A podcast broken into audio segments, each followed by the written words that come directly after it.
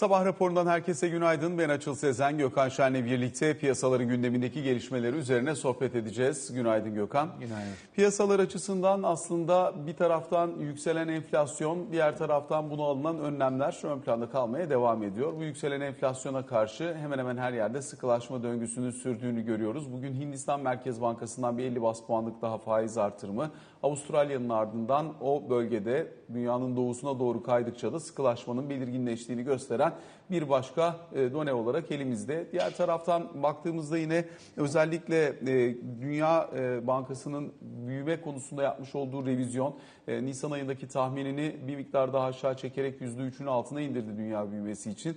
Dolayısıyla hem savaş hem aynı zamanda tedarik zinciri sorunları, enerji krizi, Covid-19 kapanmalarının yansımaları Çin'de bütün bunların etkisiyle beklentiler aşağı revize edilmeyi sürdürüyor. Bunların da yine belli ölçüde değerlendirmesini yapmaya çalışırız. Biz içeride ise özellikle kur üzerindeki baskının devam ettiğini görüyoruz. 16.87 seviyesine kadar geldik dolar TL'de. Euro TL 18.07'lere kadar yükselmiş oldu. Diğer yandan özellikle Türkiye'nin gerek CDS'lerine baktığımızda 740 bas puan seviyesinin görülmüş olması. Diğer taraftan baktığımızda özellikle Londra'da swap piyasasında %100'lerin üzerine faizin bir kez daha çıkışı buralardaki sıkışmayı bir kez daha gözler önüne sermiş oluyor. Dolayısıyla biraz bunları da değerlendiririz. Borsa İstanbul'daysa yine dünkü kapanış aslında satıcılığı başlamış olan seyrin ardından dünyadaki endekslerin biraz pozitife doğru dönüşü kayıplarını telafi etmesiyle beraber bizde de söz konusu oldu. 2650 puana yakın yerlerden kapanışın geldiğini görüyoruz. Biraz hisse senedi piyasasında ne oluyor ne bitiyor buna da bakarız.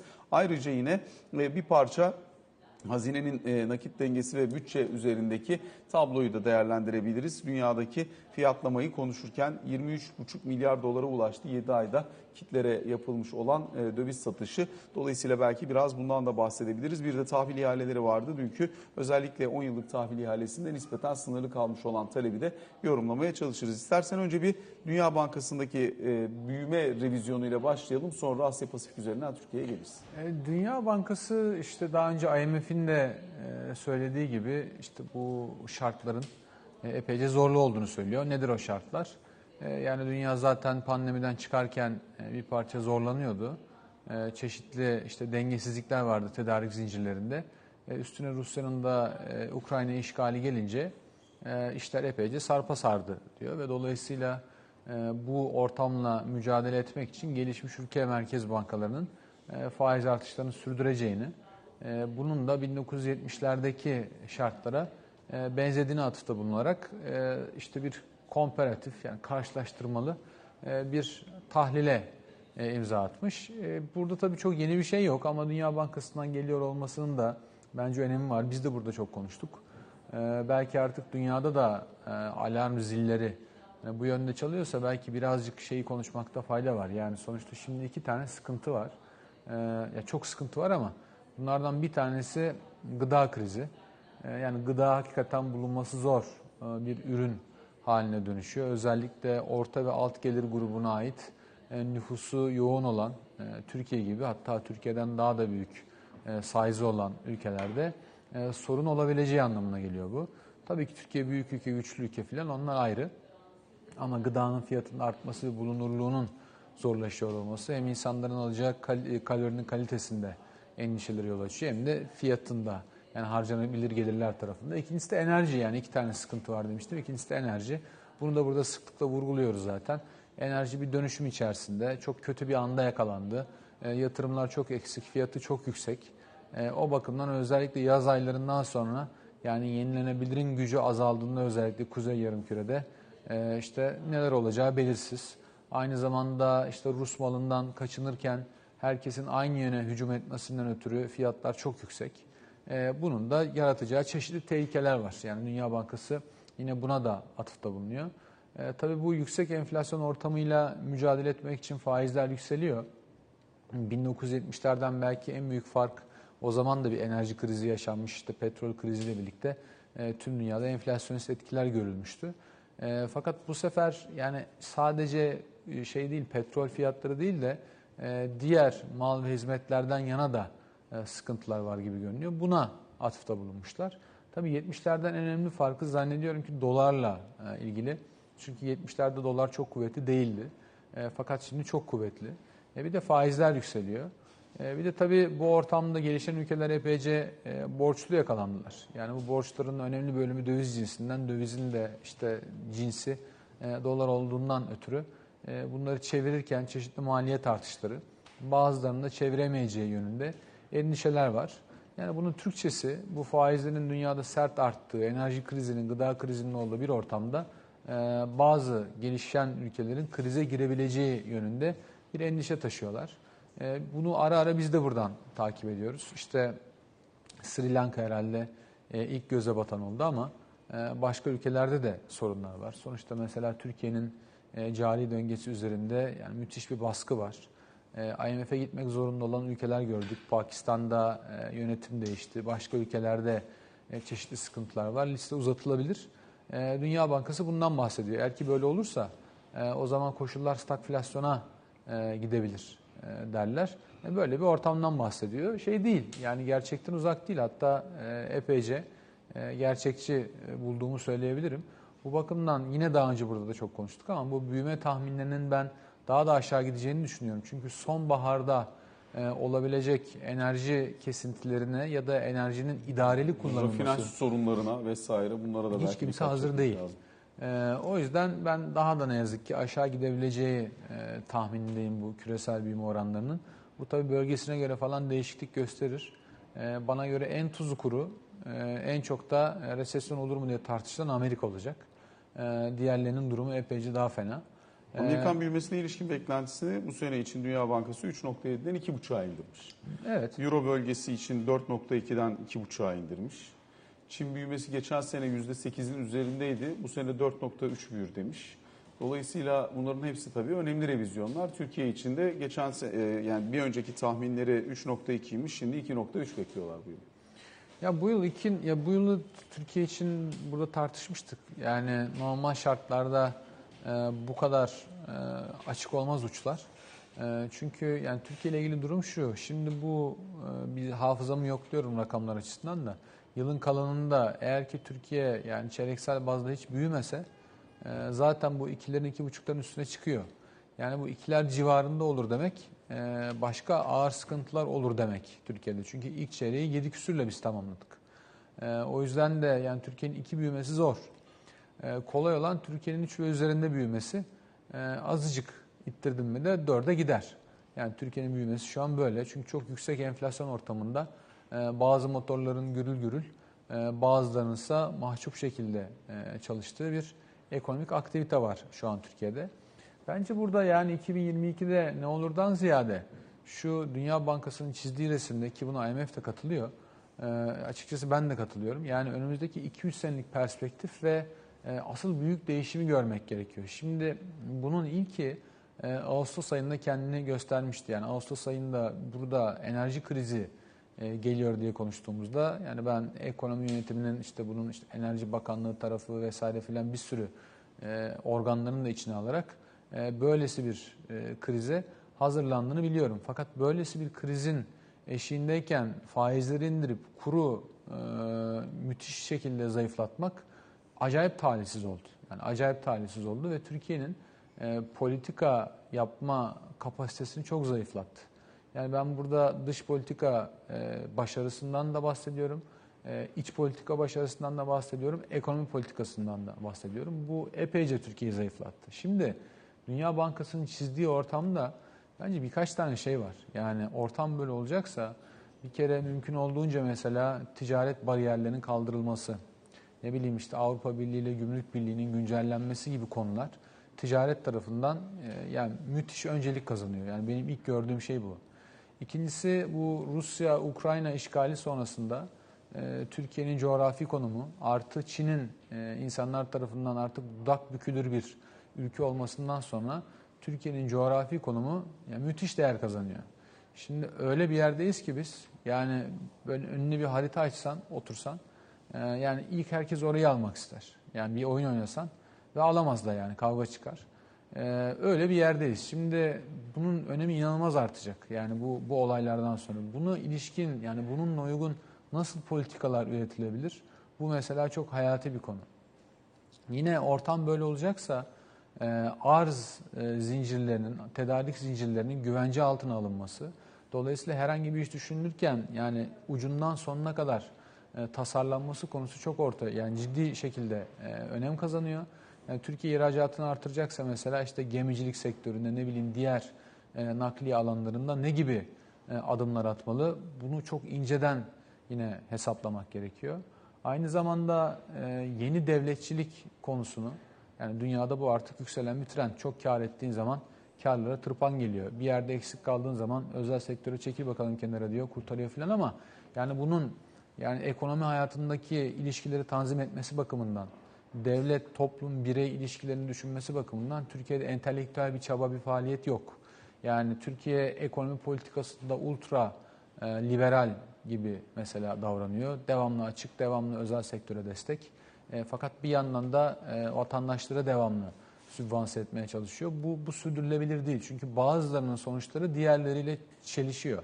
Yani para politikası ve diğer politikalarla kuru acayip zayıflatıp enflasyonu patlattın mı? Yani hazineyle sonuçlarıyla bir yere kadar mücadele edebiliyorsun ve bambaşka bir yer gidiyor. Yani hedef ihracatı artırmak, kaliteli ihracatı artırmaksa e, bu harcanılan paralarla, KKM'lere falan ödenilen paralarla pekala ikinci petkimler, üçüncü bilmem neler kurulabilirdi. Yani bu e, derin ve uzun vadeli bir aklın e, gereğini bize gösteriyor. Yani çok çok çok özel bir zamandayız ve şu an benim gördüğüm kadarıyla yani siyasi bir konuya girmeden söyleyeceğim.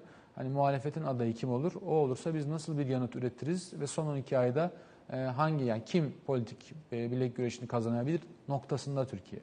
Mesela Türkiye'nin yıllar önce kurulmuş bir varlık fonu var. Bu aşamada müthiş kritik roller oynayabilir aslında. E, fakat göremiyoruz. Yani devamlı bir yönetim değişikliği, devamlı bir strateji değişikliği falan. Yani alt alta yazdığında e, ülkesini seven, ülkesinde bulunan bir vatandaş olarak e, hakikaten çok önemli değişimlerin eşiğinde olduğumuzu fakat bu değişimlerle uyumlu politikaları düşünemediğimizi görüyorum. Yani günlük şeylerden bahsetmiyorum. Hani bu rapor illa haklı çıkar da demiyorum ama bana göre olanı biteni iyi yansıtıyor. Bir de Yani- şunu belki eklemek lazım. Sadece bu rapor temelinde değil ama dünyadaki entelektüel birikimin ne tartıştığını da bir parça görerek hareket etmek lazım. Senin biraz önce söylediklerinin e, yanına şunlar da eklenebilir. Gerçekten globalleşmenin e, öldüğü e, savı tutarlı bir şekilde bizde kalmaya devam edecekse Türkiye burada yüzünü nereye döneceğine karar verdikten sonra oranın üretim aşamasında da en önemli müttefiklerinden bir tanesi haline gelebilir. Burada üretim kültürü var, sanayisi var, lojistik açısından çok kuvvetli bir yapısı var, insan kaynağı kalitesi çok yüksek durumda. Dolayısıyla hani kendini bir gelebilecek olan şoklara hazırlamak için hakikaten senin söylediklerinin hepsini yerine getirerek işte gıda krizine, önümüzdeki dönemdeki enerji farklılaşmasına, aynı zamanda lojistik üssü olarak, aynı zamanda üretim üssü olarak yapabileceklerine, aynı zamanda da artık e, biraz daha uzun vadeli 5 yıllık, 10 yıllık planlamasını belki biraz daha belirgin şekilde yaparak Batı entegrasyonunu üretim anlamında tamamlamaya ihtiyacı var Türkiye'nin. Yani bugün e, işte e, Tayvan'da bir tane çip şirketi var. Bütün dünya çip şirketinin peşinden koşuyor. E, yatırımını oraya mı yapayım, buraya mı yapayım? İşte bugün açıklaması gelmiş. 40 milyar dolar yatırım yapıyor bu sene. Gelecek sene bu kadar daha yapacak diye. Yani dünyada o dönüşümün, değişimin nereye gittiğini görenler kendilerini buralarda konumlandırıp hayatını buna göre e, sürdürmeye çalışıyor. Türkiye'nin çok büyük avantajı var burada. Söylediğinde çok doğru. Herkes burayı almak ister. Hani Monopoly oyunundaki e, böyle şey gibi, Tarabya Yeniköy gibi en pahalı yeri belki bu e, oyun tahtasının bu bölge. O yüzden e, hani hakikaten çok büyük fırsat var ama söylediğinde çok doğru. Biz sadece günlük tartışmalarla geçirmek durumunda E, biz yani devamlı enerji. faiz konuşuyoruz. Ben anlamıyorum yani bu kadar önemli mi? Yani Türkiye daha önce milyar defa faiz arttırdık. O değil ki konu yani. Hepsini geçtim. Son 10 yılda biz zaten 5 defa olağanüstü faiz arttırdık. Yani en küçüğü herhalde 300 bas puan olmak üzere filan. Ee, yani Türkiye bunu çok yaptı. Yani bu mu konu ben anlamıyorum. Ee, yani çok başka konular var ve bunlar için e, epeyce bir şey tik atmak lazım. Yani işte 80 enflasyon üretip e, müthiş dalgalı bir e, makro büyüme yapısı gösterip e, vatandaşın gelirlerini devamlı aşağı basıp yani 12 bin dolardan işte 8 bin dolarlara kadar indi şimdi e, Türkiye'nin kişi başına milli geliri. E, kurunu devamlı zayıflatıp yani hiç tercih edilmeyen bir para birimi hale getirip saygınlığını yitirtip yanına bir sıfır ekleyip yani bu hedeflere yürümek mümkün değil yani. E, o bakımdan diyorum yani bu hep bu kısa vadeli şeyler konuşuluyor. Bu olmamalı konu. Yani çoktan buradan çıkmış olmalıydı. E, yani böyle ciddi değişimler var. E, dikkat çekmeye çalıştığım şey bu aslında. E, ve bunların bence tam göbeğinde Türkiye. Yani bir enerji dönüşümü var. E, Türkiye enerji fakiri, devamlı e, enerji üretmeye çalışan, hakikaten çok uğraşan yıllar yılı da bir ülke. Yani Karadeniz gazında da bunu konuştuk. Şimdi hani devreye girdi diyelim. E, hangi fiyatta verilecek? Bu bahsettiğim temalardan hangisiyle uyumlu olacak? Gelirleri nereye gidecek? E, bunlar çok önemli konular. Yani bu, bunların ama işte bu çerçevede düşünülmesi, tasarlanması lazım. Çok çok çok günlük tartışmalara kurban gidiyor. Ve bu aradaki yani bu, bu her zaman için, her sene için söylenmez. Mutlaka her gün, her saniye kıymetli ama şu içinden geçtiğimiz son işte 2018-2019'da başlayan Amerika'nın Çin'e açtığı ticaret savaşıyla ve hala daha devam eden süreç, bu 5-10 yıllık bir süreç. E, belli ki belki yani büyük konuşmak istemiyorum ama önümüzdeki 20-30 yılı belirleyebilecek bir yere doğru gidiyor. Şeyi de atlamayalım. Yani 20-30 yıl sonra demografik yapı da değişecek. Yani bizde de değişecek. Yaşlanan bir nüfusa E, dönüyor. tabii Çin'de de değişecek, her yerde değişecek. E, Hindistan dışında genç nüfus kalmayacak. e, o bakımdan yani orayı da etkiliyor. Yani bugünkü mesela EYT tartışması falan filan da bunlar da hep öyle. Yani 20-30 yıl sonrayı düşünmek lazım. Ya da faizlerden bahsederken hani bugünü değil 6 ay sonrayı, 2 sene sonrasını, 3 sene sonrasını e, düşünmek lazım. Zannediyorum birazcık e, şeyi seviyeyi yükseltmek gerekiyor. E, bu perspektifi görmek gerekiyor. E, yani kabaca rapordan yola çıkıp bunları söyleyebilirim. Peki sıkılaşma döngüsünden bahsettik. Birazcık orayla devam edelim istiyorsan. Ee, işte Hindistan'ın da faiz artırımı söz konusu oldu. Bir 50 bas puanlık faiz artırımı. Dünyanın her yerinde e, enflasyon yüksek. Her yerde de o yüksek enflasyona karşı önlem alınmaya çalışılıyor. Evet yani işte Avustralya e, beklentinin iki katı kadar e, arttırıp 50 bas puan yapmıştı. Hatta eleştiri konusu olmuş ya sıkılaşmanız falan iyi de e, ne biçim 50 de bir çok değil mi yani? para politikası bu yani hiçbir şey anlamadık yani ne yapmaya çalışıyorsunuz filan diye ama yani sonuçta 50'ler kulübüne yeni üyeler işte Hindistan'da e, yine e, beklentiler dahilinde diyelim 50 yaptı. E, zaten bir ara toplantıyla bir kez daha artırmıştı. E, yani alt alta yazdığında e, şey sürüyor, e, artışlar sürüyor. Fakat tabii e, yani bu az önceki raporla da uyumlu. E, dünya ekonomisi yani kırılgan, e, büyüme ilişkin endişeler var fakat kanıtlar yok. Yani şu an baktığında işte Amerika'da resesyon geliyor diye sağda solda işte grafikler paylaşanlar falan görüyorum. O bir niyet okuması. Belki felsefi e, bir şey olabilir ama veriden onu çıkarmak zor. Tabii ki konut satışları o şu bu filan bir sürü şeylerden bir şeyler apartabilirsin ama e, yani baktığında şu an gürül gürül e, görünüyor ama yani endişeler var. Hani 2024 yılında mesela bugün faiz artışları diyoruz çok canhıraş bir şekilde yapılıyor ama hani bana sorsan 2024 yılında 23'ün sonunda konuşulur. 2024 yılında da faiz indirimleri geliyor gibi e, düşünüyorum. Yani bu kadar e, daraltmanın peşinde böyle özel bir zamandan geçiyor dünya. E, büyümelere bakıyorsun e, onlar da e, kendi işlerinde bir şeyi yok yani bir ahengi yok. Oralar da çok fark ediyor ve işte pıtrak gibi böyle finansal piyasalarda farklı yerlerde e, baş veriyor. Yani bizim Anadolu'daki tabirle. Mesela Japon yayınına bakıyorsun 135'e e, fırlamış. Bu belki bir perakende kullanıcı için bir şey ifade etmiyor ama yani dolara karşı %13-15 neyse değer kaybediyor olması Japon yeninin ki güvenli liman olarak bilinir. Bu döngünün e, diğerlerinden farklı olduğunu anlatıyor. Peki nasıl etkiliyor beni acaba? Benim haberim yok. E, bana biraz anlat dersen bu mesela varlıklar arasında yani cross asset denilen çapraz varlıklar arasındaki fiyatlamalara da çok ciddi değişiklikler yaratıyor. Bunlardan bir tanesi yani hedging maliyetleri, koruma maliyetlerinin e, çarpıtılması, doğru fiyatın bulunamaması şeklinde oluyor.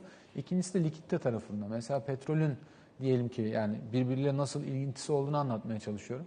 E, petrolün işte bu kadar yüksek olmasının sebeplerinden bir tanesi piyasadan aynı zamanda likiditenin de çekilmesi. Yani herkes kendini korumak amacıyla devamlı olarak piyasadan koruma ya da doğrudan spottan petrol e, satın alıyor ve fiyatları yukarıda tutan şeylerden bir tanesi bu. Yani bu, bunu uzatabilirim ama yani bu cross asset e, bakımından baktığında e, çok ciddi etkileri var. O yüzden yani bir yerlerde 50 artarken bir yandan 2024 tehlikesi e, bu çok bence sıkıntılı bir piyasa. E, o yüzden de bu hem Fed'in bilançoyu daralttığı hem de faizleri arttırdığı süreçte yani likidite sıkıntısı olacak mı? Fonlama baskısı olacak mı şu önümüzdeki 1-2 ayda? Hala daha yakından izlemekte fayda var. Çünkü bir yandan yani iyimser bir fiyatlama da var. Yani Asya dibi bulmuş durumda bana göre. Artık Çin'in açılması vesaire filan gibi bir sürü faktörlerle herhalde dibi gördük Asya hisselerinde. Ama mesela Amerika için aynısı olur mu çok emin değilim. E, Bunlar da bence piyasayı yani belirleyen, itekleyen faktörler yani. Peki istersen buradan bir parça bizdeki kur hareketine ve piyasadaki yaşanan gelişmelere de bakalım. Ee, özellikle işte e, yılbaşından bu yana Türk lirasındaki değer kaybı yani dolar TL'deki hareket üzerinden bakarsak %21'in üzerine gelmiş durumda. Hani kabaca 13 liralardan alırsan e, denge noktasını özellikle kur korumalı mevduat sonrasından e, oradan buraya yani şu an itibariyle 4 liraya yaklaştı Türk lirasındaki değer kaybı. E, Bunun bir tabii kur korumalı mevduat üzerinden bütçedeki etkisi tartışılır. İki, özellikle bir yandan da swap faizlerinde, e, swap tarafında ciddi yukarı e, hareket var. İşte e, haftalık swap dün itibariyle baktığımız zaman e, %115'ler civarına falan gelmişti. CDS'lere baktığımız zaman 740 bas puanların üzerini gördük yine dün itibariyle. Dolayısıyla piyasada bir sıkışma söz konusu gibi görünüyor. E, tabii yani farklı sıkışmalar var. Bir tanesi e, döviz sıkışması. Sen de söyledin işte kitlere satış işte 20 küsür milyar doları buldu diye. 23,5 milyar dolar. Bu arada Mayıs'ta nispeten daha az satıldı tabii. Havalar falan da ısındığı için hani bir miktar e, gaz vesaire ihtiyacı da düşmeye başlıyor. Onu da görmek lazım. E, Mayıs öyle ama Haziran'dan sonra ihtiyaç bir daha artacak. İşte bu sefer de soğutma ihtiyacı, klimalar filan. E, havalar da sıcak anladığım kadarıyla. Yani BOTAŞ'a gidiyor tabii e, bu paralar. BOTAŞ'ta alıp sonuçta içeriye gaz getiriyor. E, ve dışarıdan çeşitli formlarda gaza e, talip oluyor. Piyasadan e, talep edip de piyasayı yükseltmesin zaten likiditesi düşük diye de Merkez Bankası çeşitli yollarda rezervine e, kattığı dövizleri dönüp BOTAŞ'a veriyor. E, bireyler piyasada yok e, anladığım kadarıyla. Onlar daha ziyade altın fiyatlarını e, speküle ediyorlar. Şimdi- Gram altında 1000 liranın üzerine geldi. Evet işte geçtiğimiz günlerde altın düştüğünde biraz talep olmuştu. O yüzden e, piyasada döviz katılımı yani döviz piyasasına katılımı var gibi gördük e, bireylerin. Belki buralardan biraz bozum gelir. E, Ciddi bir efektif girişi var. Bunu konuşmuştuk. Bu hem bankacılık sistemine olan güveni gösteriyor hem de tahmin ediyorum e, dünyanın dört bir tarafında e, çeşitli politik sorunlar yaşarken işte Rusya'nın Ukrayna işgali, ne bileyim işte Körfez'de başka problemler insanlar içeriye e, bir şekilde Türkiye'ye para getiriyorlar. Yani işte her hafta 200 milyon dolardan fazla aylık 1-2 milyar dolarlara yaklaşacak kadar içeriye efektif girişi olduğu, bankalarda hesaplar açıldığı e, konusunda bende bilgi var. E, Bu da zannediyorum döviz piyasasını kısmen dengede tutuyor ve bu tamamıyla e, şirketlerin katılımıyla oluşan bir döviz piyasası.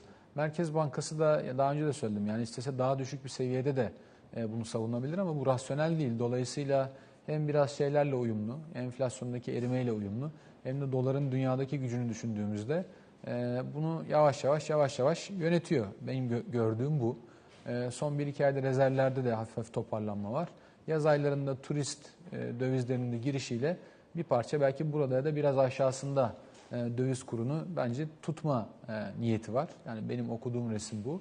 Ama tabii yaz ayları geçtikten sonra Eylül'le birlikte hem turizm gelirleri düşecek hem işte ısınma e, ihtiyaçları yavaş yavaş baş göstermeye başlayacak. O zaman bu cari denge sıkıntılarını yine konuşacağız. Şu an Türkiye'nin yani cari dengesi üzerinde çok ağır bir baskı var. Yani yıl başında sıfır diye hesap ettiğimiz cari denge yıl sonu 45-50 milyar dolarlara doğru açık e, gitmeye başladı ve içeriye böyle para gelmiyor. Türkiye böyle bir ticaret fazlası yaratmıyor. Yani devamlı ihracat diyoruz. İhracat da çok şükür iyi gidiyor ama ithalat onu yani fersah fersah geçiyor. E, bir sermaye akımı da yok. E, Bir yandan da büyümeye devam e, ediyor. bir yandan da büyümeye devam ediyorsun. Bu tabii çok yani tehlikeli bir kokteyl. E, o bakımdan da Yani büyümeni finanse etmek zorundasın. Kur yukarı Zaruri gidiyor. ihtiyaçlar nedeniyle yukarıya giden cari açık. Önümüzdeki dönemde eğer ekonomik soğuma belli bir yerden sonra devreye girmeyecek olursa e, talep bazlı olarak da devam etmeyi sürdürecek ve bir yandan da hakikaten enflasyonun yüksek olduğu yerde bireysel ithal e, malı talebini de daha yüksek görme riski var. Yani hani E, var gelecekte tabii. daha pahalı olacaksa bugünden alayım diyebiliyorsun yani. Şimdi yani enflasyon işte 70-80'ler bandında geziyor. Türkiye'nin para tabanı almış başını gidiyor. Yani kopmuş müthiş bir para yaratımı var e, Türkiye'de. Bu tabii yani Türk lirasını değersizleştiriyor. Ha diyeceksin ki madem öyle swap faizleri niye yükseliyor? Yani bu kadar bol likitte varsa e, çünkü o bol likiditeden yani kimsenin parmaklarını batırmasına izin vermiyor eğer ki Türk değilse bizim otoriteler. Dolayısıyla bu likitte yabancılar ulaşamıyorlar. E, ulaşmak için de e, adeta işte böyle bir yarış var. Birbirinin üstüne çıka üstüne gidiyorlar yani. çıkıyorlar. Ve dolayısıyla swap faizi de böyle fırlıyor. Bunun tabii sonuçları var. Yani dönüp bono satıyor elinde bono kaldıysa. Euro bond satıyor. Euro bond satışları birkaç milyar doları buldu yılbaşından bu yana. İki küsür milyar dolar da zaten şey var. Portföy çıkışı var. Yılbaşından bu yana gene. E, Dört buçuk mu oldu yılbaşından bu yana? İşte e, herhalde bir buçuk şey, üçü bono filan. E bir de buldukları anda TL'yi shortluyorlar. Bir şekilde e, yaratabiliyorlarsa likitte. Ve dolayısıyla TL yaratmak için de dönüp mesela borsadan satış yapıyorlar. Bence önemli bölümü e, TL'nin kıtlığından kaynaklanıyor. E, yılbaşından beri borsadaki satışların. Yoksa %40 giden bir borsada e, yabancı, Yabancı olmaması çok olacak deli, iş deli değil. değil, yani. yani. satmaz malını. E, o bakımdan yani benim gördüğüm şeyler bunlar, etkiler bunlar. E, bunun değişmesi tabii varlık bazında konuşmak lazım. E, süremiz bittiği için ben uzatmayayım ama yani değişmesi zor. Böyle Peki keseyim. kısa bir araya gidelim. Sonrasında Can Türkoğlu da bizlerle olacak. Kaldığımız yerden devam edelim.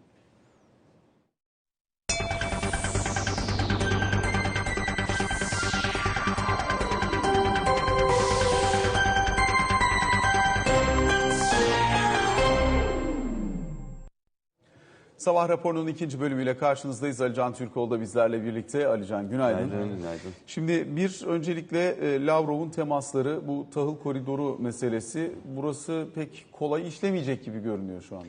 Ee, en azından umut var. Öğlen olacak muhtemelen görüşme. Ee, Lavrov'la yapılacak görüşme sonrasında muhtemel o dörtlü görüşmenin zamanı olup olmayacağı Ankara yani görüştüğüm yetkililer e, bu toplantının olacağı konusunda umutlular. Toplantının İstanbul'da olacağı hatta e, Türkiye'nin bir komuta merkezi gibi kullanılacağı noktasında umutlular. Dolayısıyla bugünkü görüşmede e, Rusya tarafının e, Türkiye ile işte Çavuşoğlu Lavrov görüşmesinde bu tahıl koridorunun oluşması noktasında Rusya'nın beklentileri neler, neler ve özellikle işte Birleşmiş Milletler'in de olacağı o dörtlü toplantıda Türkiye, Rusya, Ukrayna, Birleşmiş Milletler e, bu tahıl koridorunun bir an önce oluşturulmasıyla ilgili olarak bir çıkış yolu bulunabileceği beklentisi korunuyor. Tabii hem Ukrayna tarafının hem Rusya tarafının bazı beklentileri var e, bu koridorun oluşturulmasında. İşte Rusya, Ukrayna diyor ki e, Rusya'nın limanlara saldırmaması için önlemler alınarak bu sistem geliştirilmeli. E, Rusya diyor ki e, bir an önce bu geliştirilse bile e, bu noktada Ukrayna'ya gemilerle silah taşınmaması konusunda garanti, bir takım yaptırımların kalkması konusunda da beklentileri var. Dolayısıyla tüm bunlar bugün masaya yatırılacak. Muhtemelen öğlen olacak toplantı öğle saatlerinde. Daha sonrasında da toplantının gidişatına göre işte bu e, Birleşmiş Milletler, Türkiye, Rusya, Ukrayna dörtlüsünün içi- içinde olduğu toplantının yapılıp yapılmayacağına ilişkin kararda açıklanacak. Eğer olumlu geçerse o toplantının da hemen gelecek hafta içinde yapılması bekleniyor. Peki e, diğer taraftan yine Türkiye ile Yunanistan arasındaki gerginlik son dönemde biraz daha artarak tansiyon sürüyor. Dolayısıyla buradaki müzakereler ve diplomasi trafiğinde ne var şu an itibariyle? Ee, daha da artacak gibi gözüküyor. Bir kere Türkiye ile Yunanistan arasında bir müzakere yakın zamanda olmayacak gibi. E, Türkiye'den Birleşmiş Milletler'e mektup gönderildi. E, bu özellikle ikinci mektupta Türkiye'nin yani Yunanistan'ın şu anda adaları silahlandırmasıyla ilgili olarak yapmış olduğu hukuki olmayan sürecin engellenmesi gerektiği, bunun da adaların egemenliğini aslında tartışmaya açtı. Çünkü işte hem Lozan'la hem Paris Anlaşması'yla adaların silahsızlandırılması konusunda bir anlaşma oldu. Yunanistan'ın da yıllardır devam eden bu sürece ses çıkarılmaması sonucunda e, eğer çıkarılmamaya da devam ederse e, bunun anlaşmalara aykırı oldu. Dolayısıyla adaların egemenliği konusunda artık Birleşmiş Milletler nezdinde de tartışılır olması gerektiğini savunuyor. İşte 6 maddeyle bu bildirilmiş. Diyor ki Lozan'ın 12. maddesine göre adaların egemenliği e, Yunanistan'ın Yunanistan adalar üzerindeki egemenliği adaların e, silahsızlandırılma, silahsız olma esasına bağlıdır. Dolayısıyla eğer bunlar silahsız değilse egemen de olamazlar gibi bir teze dayandırıyor Türkiye tezlerini. Bir takım örnekler de veriyor. Paris Anlaşması'na da dayandırıyor. Paris Anlaşması'na Türkiye taraf olmamasına rağmen zamanında İsveç ve Finlandiya arasındaki e, adalar kriziyle ilgili olarak bir madde örnek gösterilerek işte sonuçları doğrultusunda bağlayıcı olduğu için bu da geçerlidir diyor Türkiye. Bu konu sadece Türkiye Yunanistan arasında değil benim anladığım kadarıyla uluslararası seviyede de Türkiye tarafından tartıştırılmaya çalışılıyor. Bu noktada Yunanistan tarafından da açıklamalar gelmeye devam ediyor. Hem Mitsotakis'ten, dün Savunma Bakanı'ndan. Dolayısıyla kolay kolay çözülecek ve e, gerginliğin azaltılabileceği bir sürece doğru ilerlemiyor benim gördüğüm kadarıyla. Dolayısıyla burada hem sıkıntılı süreç, Türkiye-Yunanistan arasındaki temassızlık ve bu gerginliğin daha yukarılara en azından söylem bazında ilerlemesi çok yüksek ihtimal olarak görüyorum ben. Peki bir yandan da grup toplantıları, oralarda verilen mesajlar, aynı zamanda Erdoğan-Bahçeli görüşmesi. Buralardan çıkan sonuçlar neler elimizde? Erdoğan-Bahçeli görüşmesi bir- yaklaşık bir saat sürdü. Özellikle e, Suriye operasyonuyla ilgili olarak e, karşılıklı bilgi paylaşımı oldu. Yine e, Cumhurbaşkanı Erdoğan'ın e, Bahçeli'nin de görüşlerini e, bu konuyla ilgili aldığı, hem Suriye operasyonuyla ilgili olarak hem Rusya-Ukrayna konusuyla ilgili olarak e, işte bir süredir yapılan hem ittifakın gereği olarak da yapılması da beklenen aslında bir e, fikir alışverişi olduğu ifade ediliyor. Es- seçim konusunda da muhtemelen masaya yatırılan bir takım başlıklar vardır. Detaylı bir açıklama yapılmadı ne AK Parti'den ne Milliyetçi Hareket Partisi'nden bu konuyla ilgili. Ancak konunun e, ana gündeminin Suriye olduğunu söylemem gerekiyor. Gerçi Lavrov konusunda değinmedim. Lavrov'la bugün yapılacak toplantının bir kısmında da Suriye konusu konuşulacak, operasyon konusu. Biliniyor ki e, işte Rusya ile Şam'ın, Moskova ile Şam'ın halen teması çok sıkı bir şekilde devam ediyor. Dolayısıyla bu operasyonla ilgili olarak yakın zamanda e, YPG tarafının Şam yönetimiyle de temasa geçtiği yönünde de bir takım bilgiler paylaşılıyor özellikle yurt dışı basında. Bu konuyla ilgili hem dün Erdoğan-Bahçeli görüşmesinde operasyonun askeri detaylar değil belki ama neden yapıldığı ve nasıl yapılacağı ile ilgili bilgiler paylaşıldı. Hem de bugün Lavrov görüşmesinde de muhtemelen Rusya'nın Türkiye'nin Suriye operasyonuna bakışı da masaya yatırılacak. Dolayısıyla ana gündem bugün sanki biraz daha dış politika bazlı ilerleyecekmiş gibi gözüküyor. Maduro da geliyor. Cumhurbaşkanı Erdoğan'la görüşmesi var. Akşam da basın toplantısı gerçekleştirecek. Dolayısıyla e, gündüz Türkiye-Rusya görüşmesi ve bunun yansımaları hem Rusya-Ukrayna bazında hem Suriye bazında. Akşam da Cumhurbaşkanı Venezuela. Erdoğan'ın e, Maduro ile yaptığı görüşme sonrasındaki basın toplantısı sonucunda çıkanlar tartışılacak. Bugün daha çok e, sanki dış politikaya yer alacak gibi gözüküyor. Teşekkür ediyoruz. Böylelikle sabah raporuna son noktayı koyuyoruz.